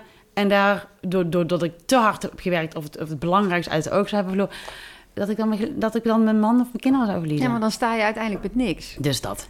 Dan heb je die carrière, Ja. maar dan heb je alsnog Maar dat weet niks. ik wel. En Ja. dat weet ik elke, elke keer weer. Dat heb ik altijd voor ogen gehouden. Ja. Want die basis, ik weet waar, waar word ik het meest gelukkig van. Wat is de basis van mijn geluk? Dat is gewoon Luc en de kinderen. Maar het is denk ik ook omdat je die basis hebt, dat je die sprong. Weet je, als je een, een, een, een fijne thuisbasis hebt en, en, en je voelt je gezien en je voelt je gewaardeerd en eh, je hebt een man die ook succesvol is, dan kan je natuurlijk ook die sprong durven. Nou, financieel. eh, ik heb nooit mijn huur hoeven te betalen, bijvoorbeeld. Dus ik heb wel. eh, ik moet bijvoorbeeld zeggen, ik heb, eh, ben altijd wel dicht bij mezelf kunnen blijven qua eh, samenwerking en dat soort dingen. Dus ik heb het nooit voor het geld gedaan. Nooit, nooit, nooit, nooit, nooit. Ik heb altijd, ben altijd wel dicht bij mezelf gebleven. Ja, En dat is, dat, dat is natuurlijk, kijk, als jij, eh, wat ik volledig begrijp, vooral als je bijvoorbeeld kijkt naar jongere influencers die in Amsterdam wonen en een, een huur moeten betalen en moeten eten, ja, dan is het natuurlijk heel moeilijk om tegen een Om heel merk te zeggen waar je eigenlijk, ja, Ja. waar je eigenlijk niet achter staat van, nee, doe maar niet, want het staat niet, past niet bij me. Die ja want je dan heel toch vaak, uiteindelijk toch principes en vaste lasten dan. Weet je wel? absoluut. Maar jij hebt dan bepaalde onafhankelijkheid ook Ja. Vanuit je gezin. Maar een, Ja. ehm, een ander ding in het boek eh, wat je zegt, is, daar hadden we het net ook al even over, is dat eh, iedereen de beste versie van zichzelf eh, kan bewerkstelligen, ongeacht het budget, schrijf je in je boek. Maar ehm, ja, een beetje budget is, is, is wel nodig, toch? Want we zitten midden in inflatie met heftige driedubbele Nou, nou. energieprijzen. ja, Voor veel mensen staat mode momenteel een beetje op een Ja. lager plekje. Ehm, heb jij tips dat je je ook goed kan kleden met een kleiner budget? Absoluut. Ik, ik, eh, mensen die zeggen, ja, nee, maar ik, eh, eh, je kunt er niet, niet leuk uitzien als je weinig geld hebt, daar ben ik het totaal niet mee eens. Ik vind het juist een grote uitdaging. Ik bedoel, ik hou van mooie dingen. Maar ik vind het ook heel leuk als ik een, een, jurkje aan heb van een H&M of een Zara of weet ik wat. Dat, en iedereen zegt van, oh, deze jurk is echt de bom. Ik zeg, 29 euro voor Zara. Ja, ik vind dat dus heel leuk, want ik vind dat juist creatief. Maar Ik jij bedoel- hebt natuurlijk ook wel het oog ervoor om die dingen eruit te halen uit de collecties. Dat is ook mijn, de uitdaging en de hobby. Ja. En dat is wat ik heel erg leuk vind. en je houdt van vintage. En ik hou enorm van vintage. Vin- vintage. Ik hou, eh, ik ben al heel lang. Het komt ook misschien van mijn oma. Ja, ik ben heel erg gek op het sparen voor mooie vintage eh, investment pieces. Ja. Dat is iets wat ik heel leuk vind. En waarom ik dat leuk vind, aan de ene kant vind ik dat heel spannend en, en intrigerend. Eh, ik wil altijd zeggen, jasje of tas. Vertel me het verhaal waar je allemaal bent geweest in de wereld. Ja, het- heb wat ze allemaal meegemaakt hebben. Ja, van wie ben je geweest? Dat zou ik zo graag willen weten. Dus dat vind ik heel leuk. Nou, verder vind ik het heel leuk dat meestal als je vintage draagt, dat je ook one of a kind bent. Dat je nooit bang hoeft te zijn dat, je, dat andere mensen ermee lopen. Dus het is echt uniek. En ja, als je nu kijkt naar de sustainability, het, het hergebruiken, duurzaamheid, de duurzaamheid, is natuurlijk ook fantastisch. Dus Ja. op alle vlakken ben ik ook wel iemand die aanmoedigt om vintage te kopen. Ja. Ja, Ja, want Ja. de mode is totaal geen duurzame business. Ze hebben Nee. wel allerlei dingen, zijn ze aan het proberen Ja. om het duurzamer te maken. Mhm. Eh, wat doe jij om eh, toch iets bij te dragen aan een groenere wereld? Nou, ik eh, heb een methode ontwikkeld, een stylingmethode, die juist erop gericht is dat je veel meer kunt doen met je eigen kast. Ja, dit is de Lonneke-methode. De Lonneke-methode, ja, maar- de Lonneke-methode genoemd. Jouw manier van kasten ordenen. Ik, ik ben echt heel. Blij Ja. dat we hier in dit schrijfhuisje zitten. En dat we dus niet binnen zijn, zodat jij niet even een blik kan werpen op mijn was iets wat eh, opruimen. volgestouwde kasten. Ja, weet je, ik gooi dus zelden iets weg. Ik ben een hele slechte weggooier. Richard kan rigoureus eh, weggooien. Ja? Nou, hij gooit het trouwens niet weg. Hij brengt het Ja. ehm, naar allerlei andere plekken toe, zeg maar. Maar ik, ik vind dat heel ingewikkeld. Want ik heb dus, eh, net zoals jij denkt dat bij vintage overal een verhaal aan zit. Ik heb in mijn eigen Ah, kleren ja. ook een verhaal. Ja. Van dit had ik daaraan en dat was Ja, die vakantie. emotionele band, Ja, ik maak een emotionele band met mijn kleren. En ik heb natuurlijk de stoel. Ik heb de stoel waar ik alles overheen Oh, leg. En dan heb ik een soort Mount Everest op die stoel. Stapel. Dus, eh, maar ik denk dat meer mensen eh, slechte weggooiers en slechte opruimers zijn. Want anders kon jij natuurlijk niet zoveel succes hebben als kastenopruimer, indeler, weggooier, structureerder. Ja, ja, weet je, ik doe nu eigenlijk op. Ik ruim nog weinig kasten op, maar, ik, maar met mijn methode kunnen mensen hun eigen kast Ah, dan kan je zelf makkelijk, doen, eh, ja. heel makkelijk. eh, Wat is de Lonneke-methode? Nou, eerst even over die volle kast. Ik Ja. zeg altijd van, eh, hoe vervelend is het als je 's morgens je kast open doet en al denkt, oh god, dan moet ik weer, moet ik weer gaan bedenken wat ik aandoe. Maar hoe vervelend is het als je hem open doet, dat hij vol hangt met dingen die uit het seizoen zijn, die je al anderhalf, twee jaar niet gedragen hebt en die je bijvoorbeeld niet meer past. Heel veel vrouwen die denken, oké, ja, inderdaad. Waarom hang je kleding in je kast die je niet past? Ik zeg altijd, tuurlijk ga je die weer, weer passen over een half jaar, over een jaar, als je bent afgevallen of bent aangekomen. Maar niet nu. Niet nu. S morgens vroeg. Als je een soort van nog moe bent van het slapen, of ja, ik ben niet heel erg de beste versie van mezelf in de ochtend, dat je dan een kast vol hebt met dingen die je niet past. Nou, sorry, hoe confronterend is dat? Nou, dus alles uit je kast halen, die, wat je niet past, hoef je niet weg te gooien. En we moeten nooit iets weggooien. Je gaat altijd, andere mensen blij mee maken of verkopen. Maar leg het even ergens op een plek waar je het kan pakken als het wel weer past. Vervolgens, hoezo heb jij winterdingen als het hoogzomer is in je kast hangen? Ja, ik voel me heel erg aangesproken nu. Want ik Ja, nee, ik zie jou ook heb, ik heb best wel wat, eh, wat wintertruien en spullen. Maar dan denk ik, ja, waar moet ik er allemaal mee naartoe? Waar leg ik die dingen ja, dan? op zolder of in een doos of even in een garage of even misschien dat je iets huurt, ja, of bij je moeder of weet ik veel. Ergens in ieder geval niet in de kast die je elke dag open doet. Ja, eigenlijk is dat toch wel heel logisch. Ja, Dus dat je dus niet in de zomer daar ook je truien hebt liggen. precies. En Dat ruimt dan voor de helft op. dat ruimt er voor de helft op. En ehm, dingen die je anderhalf tot twee jaar niet gedragen hebt, ga je ook niet meer dragen Oh, ik binnen me een zo paar persoonlijk weken. aangesproken. Ja, ik, dus ik zie even. Ja, kijk maar. Ik zit er te denken van, oh, ik heb Ik wel... geef wel eens masterclasses hierover. Dan zit er gewoon een hele zaal zo te knikken. Hè. Je bent echt niet de enige. Serieus. Nee, maar ik denk dat het, ik, ik ga dit vast nog wel een keer aantrekken. Maar eigenlijk moet je jezelf niet voor de gek houden. Je gaat Nee. het gewoon niet doen. Ik heb een rek boven op zolder staan. En dat is, eh, ik, ik, draag het, ik draag het even nu niet rek. Het is niet dat je het weg moet gooien. Hè? Maar haal het even uit je zicht. Ik zeg altijd, rust in je kast. Rust in je hoofd. Als Nou, jij dus echt, als ik jou uit kan, nee, maar als ik jou uit kan dagen om uit die kast alles te, dra- te halen wat, nu even, wat je niet meer draagt, wat niet meer past. En wat of niet in het seizoen is. Nou, ga jij gewoon helemaal totaal blij zijn. Ga je mij bellen en ga je zeggen, Lon, dat ruimt op. waarom was jij nu pas hier? Maar Nee, dan heb je ook nog op. links en rechts. Ja, nou, dus, dus dat is het eerst. Dus je Ja. haalt gewoon, je maakt het een kast in, er staan allemaal spullen in die je draagt, van seizoenen zijn en die past. Oké, Dat is al lekker, Fase hè? 1. Nou, vervolgens, ehm, ik, ik kom dus heel veel vrouwen tegen die het heel moeilijk vinden om een setje 's morgens te maken. Dus die vinden het moeilijk om, om, een, om een outfit samen te stellen. Eh, heel veel vrouwen gaan naar een winkel toe of online, weet ik veel wat ze doen. Kopen een set of laten zich die aanpraten en, en dragen de set zoals ze hem hebben gekocht. Ook even over hergebruiken en eh, niet dat je elke keer iets nieuws moet kopen. Heb je er drie, vier keer gedragen, gaan vrouwen heel vaak weer rennen weer naar de winkel, want ze denken, oh, ik heb niks meer, ik moet iets nieuws. Ja. Nee. Want je koopt je wat kle- op de pop hangt. Ja, maar dat doen heel veel vrouwen. Dat maakt niet uit. Ja. Dat is dat, dat, dat, ik begrijp dat ook, want ik kom dat heel veel tegen. Dus dat, dat is fijn, makkelijk. Maar wat gebeurt er als jij gewoon vier, vijf, zes, zeven keer dezelfde set draagt? Dan denk je, Deze is op. Ik, ik, ik, ik, ik moet iets nieuws. Ik moet iets nieuws. Want ik, ik, heb het al, ik, ik kan hier niet meer mee aan. Of ik word er zelf niet meer gelukkig van. En dan ga je weer naar de winkel ga je weer iets nieuws kopen. Ik heb een methode ontwikkeld. Daar kan ik heel lang over praten, dat weet je. Waar je dus heel makkelijk elke morgen een set kunt maken. Door al die kledingstukken die je dus allemaal als setjes hebt gekocht uit elkaar eh, gaat trekken. Waardoor je veel meer sets kan maken. En dus minder hoeft te kopen. Nou, en dan zeg ik, nog, zeg ik eigenlijk altijd... ehm 70 van je, procent van je kast of kasten zou moeten en van je aankopen dus ook zou moeten bestaan uit investment pieces, uit basics, basis kledingstukken. Dus eh, waar je al heel makkelijk setjes mee kan maken. En die je nog 10 jaar kan dragen of 5 jaar 20, kan dragen? 30. eh, Oké, dus echt een hele goede mooie, kwaliteit. goede maar basis. Dus een goede jeans. Goeie een jeans, goede witte. Een witte blouse. Dus een goede leren, jek, een leerjekje. maar echt een kwalitatief stuk.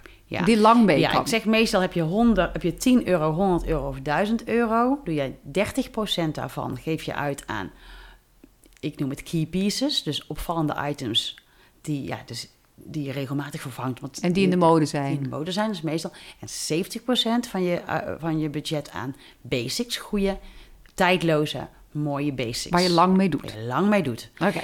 Ja, dus, ehm nou, dus 70% van je kast zijn basics. Dus precies wat je zegt. Een, eh, een wit hemd, een leren jekje, een goede spijkerbroek, een mooi zwart jasje, een, een, een wollen Iets wat altijd blijft. Iets dat altijd blijft. Maar dan, maar dan unie, effen en in de kleuren tussen wit en zwart. Dus ga even snel, moet je even snel meegaan. Zwart, donkergrijs, lichtgrijs, eh beige, crème, wit en jeanskleur. Oké, dus geen felle kleuren. Geen print, geen felle kleuren. En ook zonder stiksels, pailletten, borduursels. Gewoon basic. Basic. Basic, goede kwaliteit, 70% van je kast. En dat leg je allemaal links neer. Of rechts, Of wat rechts, je wil. wat ik, ben, wil. ik ben links, maar, ja, maar een, een deel van je kast of een deel van je kastwand of wat je ook hebt. 30% noem ik het, zijn key pieces. De feestnummers. De eye-catchers. Ja. En wat zijn key pieces? Eigenlijk alles wat geen basic is. Oké. Alles met print, alles met kleur en alles wat niet die kleuren zijn die, eh, die basic zijn. Eigenlijk is het, zo is het het makkelijkste. En dat koop je wat vaker. Dat, dat hoeft ook niet duur te zijn. Dat is meer ik de, zeg het mode-item. het liefste dus 30 euro van de 100 euro... of 3 euro van de 10 euro of 300 euro van je 1000 euro. In- investeer je in ongeveer hè, in, in key pieces. Dus Ja. wil ik alleen maar mee zeggen... koop niet continu dure, mooie, eh, geprinte, gekleurde jasjes... want vervolgens kijk maar naar je eigen eh, draag- en koopgedrag... merk je dat de dingen die, je, ehm, die, die ge- gekleurd zijn... meestal trendgevoeliger zijn... en ben je sneller op uitgekeken. Ja, maar als je een heel veel, dat hele felle grasgroen is nu in de mode, zeg maar. Ja, ja, nee, ik heb nu zo'n broek aan daarvan. In. Maar nu is, is het in de mode. dat is nu in de mode, maar dan, dan, dan ga je niet een paar jaar dragen, zo'n felle broek of een Nee. fel jasje. Nee, dus daarom zeg, ik van je kunt beter een deel van je budget aan, goede basics. Die draag je namelijk vaker, draag je langer, draag je meer jaren en ben je nooit op uitgekeken. Oké, Nou, 30% van je kast zijn je eye-catchers, je key pieces. 70% zijn je basics. Nou, dan heb je je kast ingedeeld en key pieces en basics, alles past. Je, en dan word je s'morgens wakker en dan denk je, oh, vanaf nu kan ik in 30 seconden een outfit kiezen. Want je loopt als eerste naar je key piece kast, je eye-catchers kast, je 30% met allemaal kleurtjes. Daar kies je één key piece uit. Eén. Eén. Of het nou je gouden laarsjes zijn die je ooit hebt gekocht omdat de buurvrouw ze op de schoolplein aan had. En je dacht, die moet ik ook. En vervolgens denkt, in godsnaam hoe moet ik nou die gouden laarsjes dragen? maar daar draag je dus, is een hele opvallende gouden laarsjes en dan doe je dus basics bij Ja, dus je kiest één keypiece. Dus Ja. of een eh, groene trui, of een, eh, een geprinte broek, of je gouden laarsjes, of een, een, een, een accessoire kan ook een keypiece zijn, dus een opvallende sjaal. Je doet je keypiece deel van je kast dicht. Eén kies je eruit, dicht. Dan ga je naar je basics kast, doe je open. Alles wat in die basics kast hangt, past bij de keypiece. Kun je met je ogen dicht eruit pakken. Ja, het past ook bij elkaar. Het past altijd bij elkaar. Qua Ja. kleuren past het bij elkaar. Ehm, alleen, ja, hoe je de set maakt. Het zijn allemaal jouw kleren die je veel draagt. Mhm. Want die heb je namelijk in je kast hangen. De rest die wat je niet veel draagt, heb je al weggedaan. Alles past bij jou. Het zijn jouw kleren. Ze zijn allemaal mooi. Het zijn allemaal investment pieces. En eh, ja, ja, jij kiest natuurlijk gewoon de set die je aan hebt. Ga je naar een feestje, doe je een hakje misschien aan eh, de jurk. En dan eh, ga je werken en dan doe je misschien een broek aan met een trui. Maar dat geeft wel veel rust en overzicht. Ongelooflijk. Ja. Ik serieus, er zijn echt duizenden vrouwen die die kasten... Ja, ik heb natuurlijk mijn boek... Een de- deel van mijn boek gaat er ook over. En ik heb er een masterclass over gemaakt. Maar heel veel vrouwen die het hebben gedaan zeggen... Hallo, zo fijn. En ik krijg in één keer complimenten. Ik durf, nou, ik durf, durf nu kleur te dragen. Ja. Bijvoorbeeld, hè. De, de vrouw die, die in Maar het is, het is denk ik ook zo dat als je dan iets heel opvallends aan hebt, één ding, dus hè, Lonneke methode één ding, Ja? dan valt dat ook op. Juist, Terwijl als je shinen. twee pieces aan, eh, key pieces, ik vind key piece vind ik echt zo'n jouw favoriete piece. woord is Ja. een sleutelobject. Eye-catcher. Een eye-catcher. Ja. Eh, als je er twee aan hebt, of drie, of dan, dan, dan overstraalt het eigenlijk elkaar. ja, dat vind, dus dat als je de ik. basics aan hebt en dan één eye-catcher, Ja.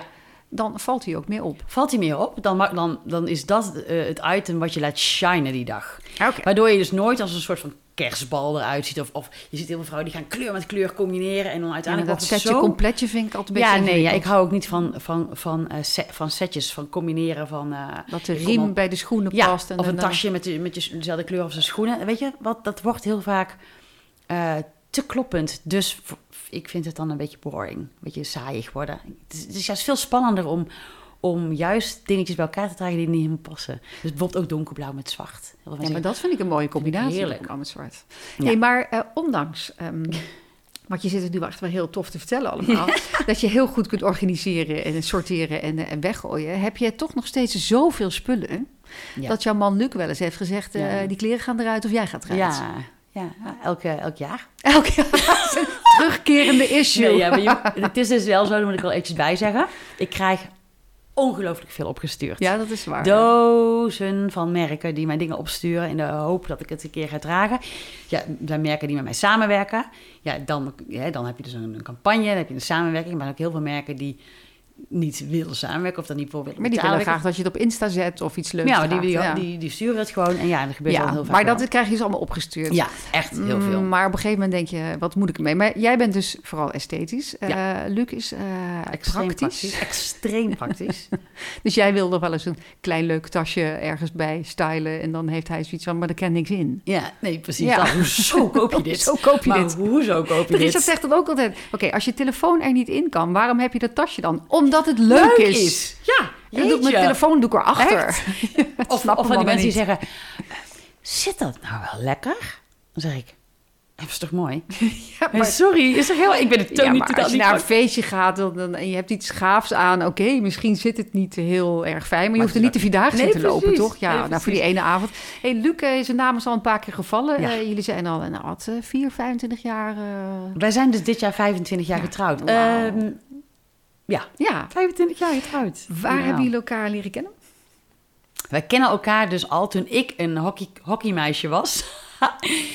Eh, we kennen elkaar al, eigenlijk al heel lang. Ehm, hij woonde twee dorpen bij mij vandaan. Wij hockeyden alle twee hoog, eh, hoofdklasse, hoog niveau. We kwamen elkaar altijd tegen op de hockeyclubs met feestjes en dat soort dingen. En ik, hij vond mij heel stom en een hockeykakker. En ik vond hem een een of andere brommer. Nee, ik Johnny. zeggen dude. Maar hij had, zo, ze had, hij had zo'n groepje met allemaal een brommer. En ik vond, vond ja, een brommer, ik weet het. Ja, nou, we vonden elkaar gewoon... Ja, maar Totaal dat, niet dat, stom. dat is vaak het begin van een grote liefde. Ja, Als je elkaar stom vindt. Ik Ja. weet niet wat dat is. Het begint er vaak met je denkt, oh, die is stom. En uiteindelijk denk je, oh, hij is eigenlijk heel leuk. Maar Toen waren we echt heel jong, hè? En toen zijn- ben ik, ik ben, hij, eh, hij is gaan eh, studeren, ik ben gaan studeren. Eh, uiteindelijk was ik uit, eh, heb ik in Amsterdam gestudeerd en daar kwam ik terug wonen. Kreeg ik mijn eerste baan weer terug in Tilburg. Eh, ik kom uit de buurt van Tilburg, dus ik, ik, ja, had mijn eigen appartementje net ingericht. En ik ga met kerst, rond kerst, tweede kerstdag was altijd eh, zo'n borrelmoment. Als iedereen kon rennen van tafel af, alle jongeren, en die gingen dan allemaal borrelen met elkaar. Hè? En ik sta daar in de kroeg en ik kijk en ik zie hem, na al die jaren zie ik hem in één keer aan de hoek van de bar staan. En we kijken elkaar aan en hij zegt dan, hey. En ik zo, hey, jezus, dat is lang geleden. Hè, wat je al vaker, eh, wat je vaak, hoe is het met jou? En we raken aan de praat. Hij woonde in Madrid, hij studeerde in Madrid. Hij had er jaar, daarvoor een jaar in Engeland ge- gezeten. En we raken aan de praat. En het was eigenlijk bam. Je wist het meteen. Ik wist het gewoon meteen. Ja. Serieus, ik ben Soms tien dagen... het gewoon. Ja, echt. Hij, hij ging naar uh, oud en nieuw, uh, ging, moest hij terug naar Madrid. En uh, ik ben tien dagen later ben ik, ben ik hem achterna gevlogen. En mijn ouders zeiden, wie gaat er nou een jongen achterna die je helemaal niet kent... na tien dagen helemaal naar Madrid? Ik zei, ja, ik. Ik Ah, ken ja. hem van vroeger op de brommer. ik ken Dat, hem. ja. Dus dat, dat, en, het was eigenlijk gewoon, toen was het, Wat leuk. ja. En eh, je woont nu eh, vlak over de grens, eh, Ja. in de Oud-Turnhout, eh, net over de grens in België. Echt mannenhuis. Enorm. Een man, Vier drie zonen. Ja, Ja. vier man in huis. Wat vinden die eigenlijk van hun eh, altijd zo stylish eh, moeder? Eh, mogen ze van jou in een joggingpak? Ja, ze mogen zeker een joggingpak. Maar ik weet nog wel dat ik heb wel geprobeerd om ze vanaf jongs af aan een soort van altijd leuk aan te kleden, ze een steltje. eh, nou goed, ik, ik niet door hun dingen te douwen, want dat moeten we natuurlijk uiteindelijk zelf weten. Maar ik heb ze altijd leuk aangekleed vanaf baby af aan. eh, was ook dat mijn hobby natuurlijk. Is de beetje blijven merk- hangen? Het is fantastisch gelukt. ik kan nu gewoon echt heel trots zijn als ze binnenkomen en de- dat ik denk...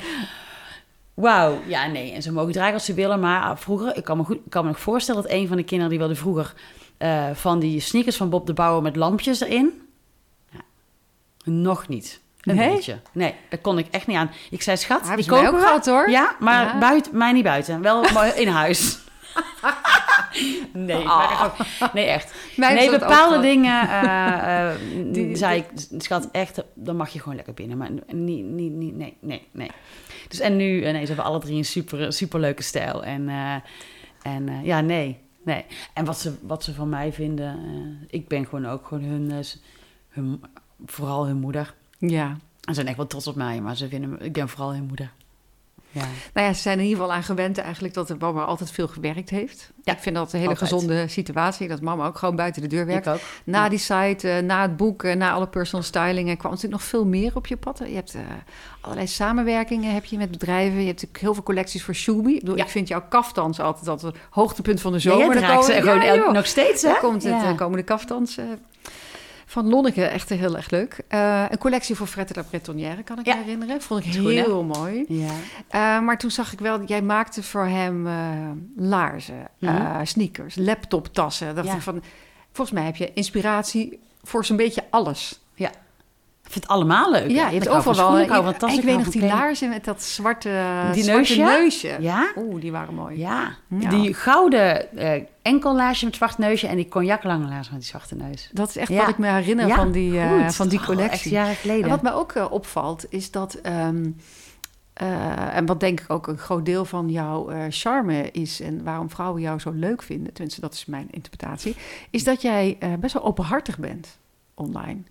Je, Ja. je hebt daar je hart op je tong. Je vertelt eigenlijk hoe je je voelt. En, en eh, je hebt ook gedeeld dat je 12 kilo was afgevallen. Mhm, En, ja. en waarom, waarom deel je ook dat soort dingen?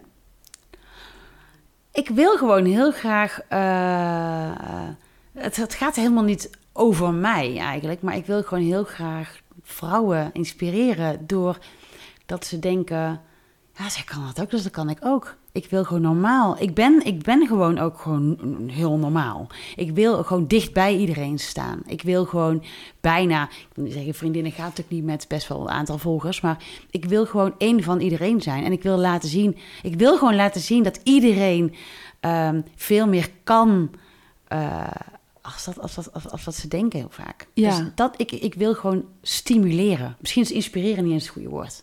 Ja, Dat ze denken, ah weet je, zij, dat kan ik ook. Ja. Ik wil ook niet onbereikbaar zijn. Het is heel grappig, want nee, jij zoekt juist de herkenbaarheid. eh, Heel ja, erg. Ja, het het is, het is denk ik een soort van missie van mij.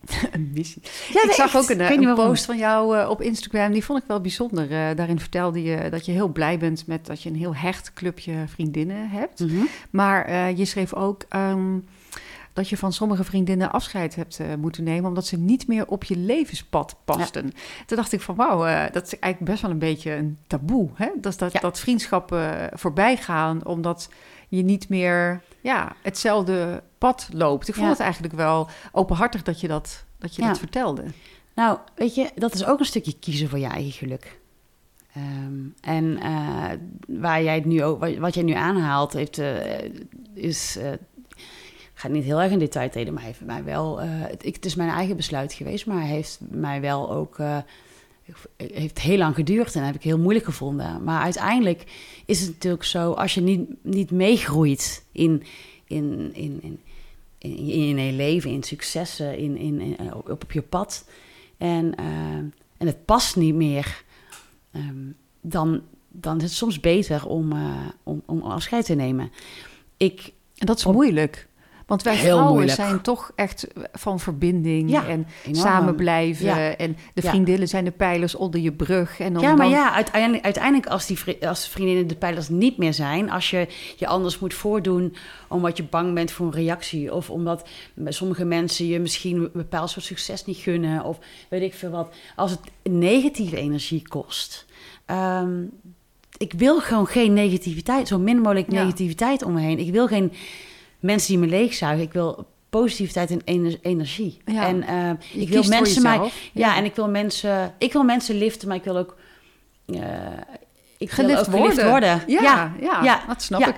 Je zei ook eh, dat je niet en de perfecte partner, en de perfecte moeder, en huisvrouw, Nee. vriendin, zus, dochter en alles kan niet. zijn. Nee, dat gaat Daar, dat had je, heb je net al even iets over gezegd, maar dat is dus iets wat je ook echt hebt moeten leren. Dat, dat je, je kan niet in alles 100% zijn. Nee, dat, dat is ook iets wat heel veel vrouwen denken. En ik denk ook dat daar weer heel veel vrouwen vastlopen in eh, eh, perfectie op alle gebieden. Je kunt niet perfect zijn op alle gebieden. Het kan niet. Je bent of eh, succesvol zijn, of perfect zijn ook. Weet je, perfectionisme Maar, maar is perfect bestaat überhaupt al niet. Nee, maar heel veel vrouwen die bijvoorbeeld eh, tegen een burn-out aanlopen, achteraf zijn dat heel vaak vrouwen die op alle gebieden perfectie nastreven.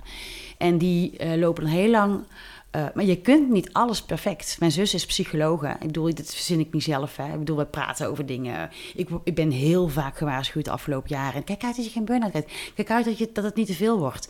Dan ging ik altijd of naar Kel of naar eh, Evelien, mijn zus. En zei ik, Eve, waar moet ik op letten? Iedereen, sommige mensen zijn bang dat ik een burn-out krijg. En toen zei ze van... Me, meeste mensen die een burn-out krijgen... zijn mensen die op alle vlakken perfectionisme nastreven. En, en, en, en op hun tenen lopen. En dan Ja, maar uiteindelijk... dat zijn doelen die je nooit gaat halen. het gaat niet. En ze een tegen mij... Jij... zelfsabotage eigenlijk ook. Ja. Ja, maar heel veel mensen hebben het niet in de gaten. Hè? Die, die, willen, die willen dat allemaal. De perfecte moeder zijn. Op hetzelfde moment... ja, maar dan ben je perfect. overal aan het falen. Ja, ja, ja. dat, dat, dat, doet, dat doet je ziel ook helemaal Ja. geen goed. Maar dat is dus schijnbaar heel, Ja. heel, heel moeilijk. En Evelien, mijn zus, zei tegen mij: Nee, jij? nee, jij, eh, jij, ik denk dat, dat het jou niet zo snel overkomt. Want ja, weet je, ik kan dus echt gewoon mijn sleutels in de koelkast laten liggen. Tot, tot afschuw van Luc, hè? Eh, de afwas eh, op de aanrecht laten liggen. Die, stap, die berg, die Mount Everest kleding op mijn Op dingen laten stoel. liggen. En rennen in de auto omdat ik een afspraak in Amsterdam heb. Maar aan de andere kant kan ik ook als ik denk... Ho, ik voel aan mijn lichaam dat het eventjes eh, genoeg is. Dat ik slechter slaap, dat ik eh, me niet kan ontspannen. Kan ik gewoon ook bijvoorbeeld een afspraak afzeggen. Ik, kan, ik kies altijd voor mezelf. Ik luister goed naar mijn eigen lichaam. Ik luister goed Ja, Nou, wat ik knap zeg, dat, dat ook dat nee durven zeggen. Heb ik ook al moeten leren. Maar je zegt ook ik heel veel ja. pleaser, hè? Want ik las nu laatst, je bent nu ook weer chef mode van bol.com. Ja, dat is ja. weer je nieuwste baan. Ja, dat maar is ik dacht bol.com, wat is, wat is chef mode van bol? Hoe, nou, is hoe- weer een uitdaging. Want weet je wat het natuurlijk is? Ehm, eh, Bol.com is natuurlijk een bedrijf wat iedereen kent. Van als je, dat begon met, als je een boek wil kopen, dan moet je bij Bol zijn. Vervolgens eh, dacht ik, oh, oké, weet je, als ik een föhn kan kopen, kan ik bij Bol zijn. Maar nu kan je voor alles bij bol zijn. Je kunt bij alles bij Bol zijn, maar heel weinig mensen weten, wisten, dat je bij Bol ook ongelooflijk veel jurken kan kopen en schoenen en tassen. Toen ik chef mode werd, zeiden zoveel mensen tegen mij, huh? Hebben ze Hebben mode ze dan? Nou, precies dat. En daarom ben je de de chef mode. modewinkel van ons allemaal. Ja, ze hebben mij ehm, chef mode gemaakt om ja, eigenlijk te laten zien aan, aan, aan Nederland dat er dus ook heel veel mode te, en hele leuke mode te kopen is op Bol. Ja, Ja. ik vond het wel. Ik, Ja. ik, vind- nou, het is al gelukt. Want ik dacht, als jij daar chef mode bent, hebben ze blijkbaar mode. Ja. Dus die connectie had ik al gelegd. Ja. Ik kan me voorstellen als je toch best wel veel werkt en veel verschillende dingen doet, collecties maakt, eh, heel veel verschillende petten op hebt, eh, dat je dan ook af en toe de tijd moet nemen om te ontspannen. Ja. Ik vond het zo grappig om te lezen hoe jij ontspant met Hollandse hits. Ja, Serieus, met het meezingen met Hollandse hits. Lekkere gin tonic erbij. ja. Je houdt ja, heb ik een beetje van- Luc hoor, die houdt er heel erg van. Van de En, eh, Nederlandse muziek. Ja, die houdt heel erg van Nederlandse muziek. Oh, ja. leef. La, Ja, la, la, la. Ja, ik, op een of andere manier had ik dat niet je jou ook- gedacht. Wat denk je dat ik gewoon helemaal zo op een Franse chanson zit? Eh, nee. Ja, want je houdt ook van Ja, pianomuziek. enorm. Ja. enorm. Wat is, er, wat is die connectie Oh, van jou en ik- pianomuziek? Weet ik niet. Ik, ik weet Dat het niet. raakt jou echt, hè? Altijd, Pianomuziek. Ja. Altijd, altijd, altijd. En het grappige is... ehm, eh, mijn oudste zoon blijkt, en dat weet ik eigenlijk pas sinds twee jaar, die, die, die, is, die woont in Amsterdam, die studeert daar. Eh, die zei twee jaar geleden in één keer tegen mij: Oh, volgens mij nadat hij mijn boek had gelezen. En ik had gezegd dat ik uh, zo van pianomuziek hield. En dan dat, dat ik I Now die heel mooi vind. Dat hij zei: Mam, sorry, maar ik lees dit. Maar ik heb gewoon heel mijn studie gehaald op de, die, diezelfde muziek. Hij zei: Ik kan elk toontje in mijn hoofd mee, wat ik nu ook kan, pingelen. Ik zou gewoon precies die. Hij zei: Ja. Zonder dat je dat van elkaar wist. Ja. En muziek, welke muziekstuk is dat? Uh, ja, Una Martin, Martin, ja, dan ga je mij iets vragen. hele, uh, ja, ja, ik vind I die dus heel mooi. En dan ja, Una Martina, Una Martia, Una Martina. Ja, je moet het even trekken. Ik ben er niet helemaal in thuis. Ik ga het, dadelijk meteen YouTube. Ja, ik, ontspan, ik ontspan daarvan. Ja. Dus ik vind dat heel mooi. Ik kan ook in de auto uh, heel hard aanzetten. als ik in bad lig. Doen. Ik heb heel mijn boek. Ik heb de laatste drie, vier uh,